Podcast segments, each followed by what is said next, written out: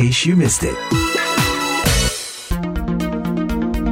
Sampah plastik, salah satu pencemar utama lingkungan, masih menjadi masalah yang belum dapat ditangani dengan baik di berbagai negara, termasuk di Indonesia. Jumlahnya bahkan meningkat selama masa pandemi COVID-19. Namun masalah ini juga mendorong munculnya gagasan-gagasan baru dari warga, seperti Made Januriase dari organisasi Plastic Exchange yang menggagas penukaran sampah plastik dengan beras. Saya Utami Husin berbincang mengenai partisipasi publik dalam pengelolaan sampah bersama dengan Made Januriase dan Dr. Insinyur Nofrizal Tahar, Direktur Pengelolaan Sampah Kementerian Lingkungan Hidup dan Kehutanan. Sebelumnya saya sampaikan selamat terlebih dahulu kepada Pak Made Januriase yang akhir Oktober lalu diumumkan sebagai satu dari top 10 CNN Heroes tahun ini atas gagasannya membersihkan sampah plastik di Bali. Tapi saya beralih dulu ya ke Pak Nofrizal Tahar untuk mengetahui gambaran sekilas seberapa serius sih masalah sampah plastik di Indonesia. Pertama, saya menyampaikan apresiasi tentunya kepada Pak Made Janur Yasri ya. Yang kedua, persoalan sampah, khususnya sampah plastik memang menjadi persoalan global ya. Di Indonesia sendiri, komposisi sampah plastik itu meningkat terus. 20 tahun yang lalu, tahun 95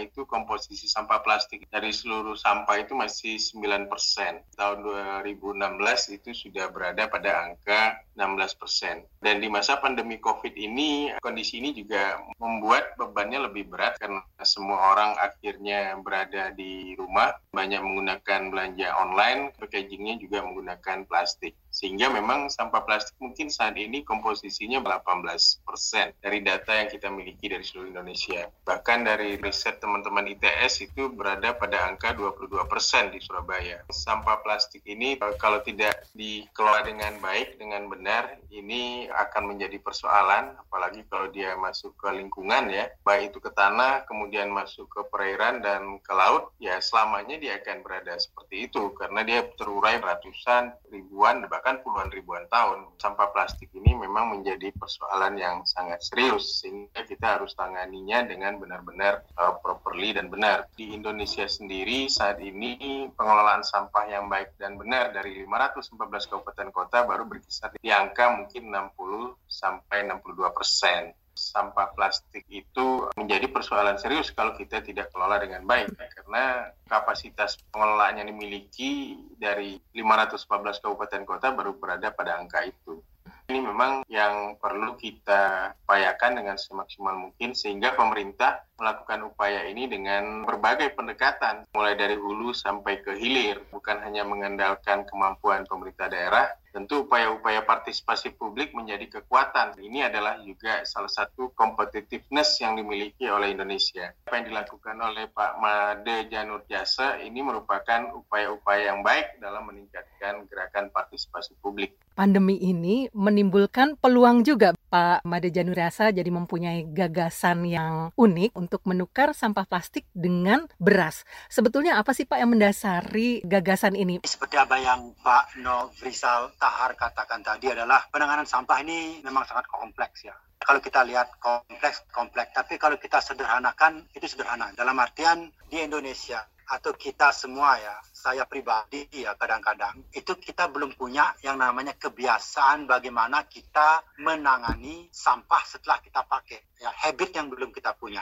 Dan dalam artian ini, habit yang bagus gitu loh. Habit yang kita punya adalah membuang di tempat sembarangan karena banyak faktor ya. Yang pertama mungkin kurangnya kesadaran. Kalau kita lihat yang namanya himbauan, peringatan itu sudah banyak. Jadi pertanyaannya apakah ini karena pandemik atau karena lingkungan? Saya sebenarnya beranjak dari pepatah mengatakan bahwa di dalam kesulitan itu ada kesempatan. Nah, apa yang saya lihat pada saat pandemik ini? Yang pertama adalah masalah lingkungan. Dan dari dulu ya, dari plastik itu bukan hanya di Indonesia aja. Yang kedua adalah karena pandemik ini, apalagi saya berbicara di Bali dulu ya, itu kita hidup dari pariwisata. Dengan pariwisata ini tutup, yang namanya penghasilan itu berkurang, paling tidak untuk mencari makan itu agak sulit. Nah, yang ketiga adalah apa yang saya bilang jati diri atau moral ya. Moral kita turun karena pandemi, karena nggak ada pekerjaan. Nah, di Bali itu sebenarnya kita sudah ada yang namanya filosofi Trihita Karana. Tiga keharmonisan, yaitu hubungan manusia ke Tuhan, manusia-manusia dan manusia ke lingkungan. Inilah yang saya lakukan di dalam plastic action itu. Di dalam melakukan plastic action ini, ini core value-nya, rohnya ini tiga ini. Hubungan manusia ke Tuhan itu adalah jati diri, hubungan manusia ke manusia itu adalah prosperity atau kesejahteraan dan hubungan manusia ke lingkungan. Saya menawarkan suatu solusi yang sangat sederhana. Kalau orang bawa plastik dan memilah dengan benar, itu akan saya kasih reward, beras.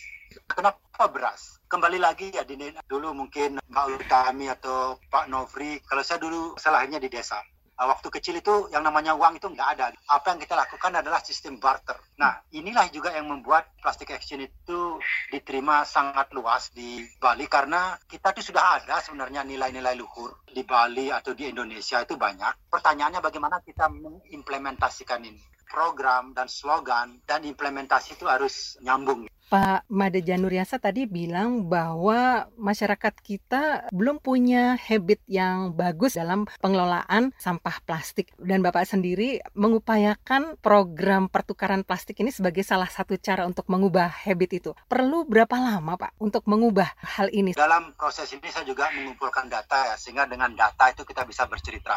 Ada tiga hal yang kita kumpulkan. Yang pertama adalah dignity atau jati diri. Berapa orang yang datang. Yang kedua berapa sampah yang kita kumpulkan dan yang ketiga berapa banyak beras yang kita bagikan. Desa-desa atau banjar di Bali yang sudah mengadopsi program ini dalam waktu 9 sampai 1 tahun itu sudah kita lihat perubahannya. Karena habit itu hanya bisa dirubah dengan melakukan. Pak Nofrizal, kalau diambil secara luas di tingkat pemerintah, sebetulnya apakah perlu Pak iming-iming seperti ini untuk membuat perilaku masyarakat Indonesia berubah? Salah satu persoalan serius dalam pengelolaan sampah ini kan adalah kesadaran publik. BPS memotret dalam surveinya 72% orang Indonesia tidak peduli terhadap persoalan sampah.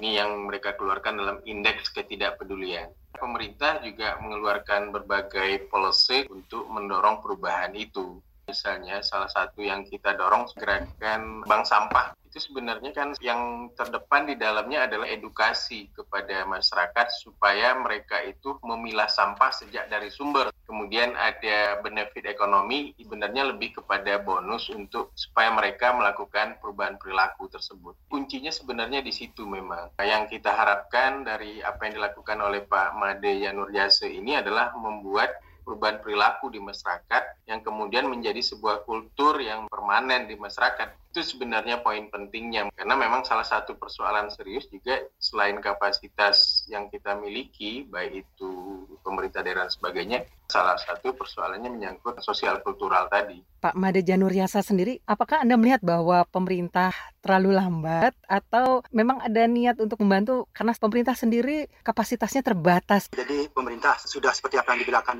Pak Novi tadi, banyak mengeluarkan kebijakan seperti bank sampah dan lain sebagainya. Kita tidak bisa menyalahkan pemerintah itu lambat atau ini atau hmm. itu. Kita sebagai warga kita juga bertanggung jawab. Saya banyak bekerja sama dengan bank sampah karena begini ya, tidak ada satu sistem yang sempurna. Kenapa bank sampah beberapa di lapangan yang saya lihat itu tidak jalan karena ada beberapa mungkin penukarannya kurang, pengurusnya tidak serius. Saya mencari juga bank-bank sampah yang mati suri misalkan ya, itu kita ajak bekerja sama karena dia sudah punya sistem. Apa yang membuat plastik exchange ini juga sukses karena dia immediate ya, jadi begitu dia datang ke tempat penukaran pulang bawa beras. Rasanya itu yang yang tidak like priceless. Apa yang saya lakukan ini juga mendukung ya salah satu program pemerintah Bali yaitu untuk menangani sampah dari sumbernya. Saya kalau datang ke desa-desa itu saya bilang, e, kalau mau membersihkan jangan bersihkan dari lingkungan dulu, pulang sekarang. Bersihkan dari rumah. Kalau kita sudah bersihkan dari rumah, baru kita keluar ke lingkungan. Pak Nofrizal, ternyata banyak juga orang perorangan yang punya inisiatif inovatif dalam menanggulangi sampah plastik. Apa upaya untuk merangkul mereka-mereka yang inovatif seperti ini? Kondisi ini juga menurut saya karena memang pemerintah sendiri juga mendorong upaya ini secara maksimal ya. Kita kan kebijakannya itu upaya pengurangan dan penanganan itu sekaligus kita maksimalkan. Dan bicara di hulu itu kan adalah upaya pengurangan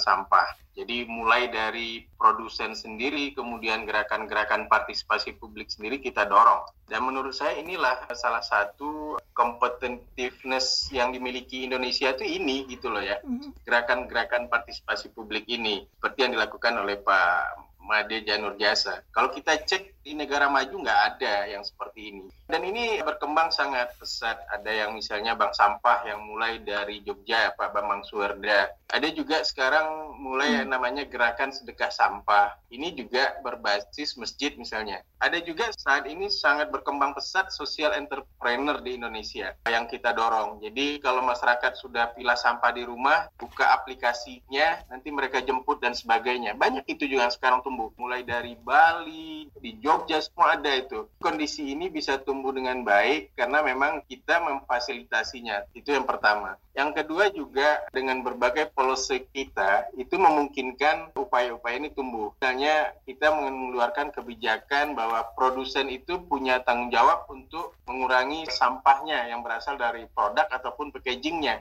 dan ini memberikan ruang untuk mereka bekerja sama dengan gerakan-gerakan partisipasi publik ini karena mereka untuk take back dari produk dan uh, packagingnya itu mereka harus mungkin kerjasama dengan uh, gerakan-gerakan partisipasi publik ini hmm. baik itu bank sampah kemudian sektor informal termasuk social entrepreneur ini. Jadi menurut saya policy yang kita siapkan itu juga memberikan reward dan juga memberikan insentif dengan sendirinya kepada gerakan-gerakan partisipasi publik ini. Berbagai gerakan partisipasi publik kita berikan apresiasi tentunya juga kita berikan juga kesempatan-kesempatan yang untuk membuat mereka lebih bersemangat lagi. Pak Made Januriasa, jadi seberapa jauh nih Pak inisiatif Bapak ini ingin ditiru oleh daerah-daerah lain?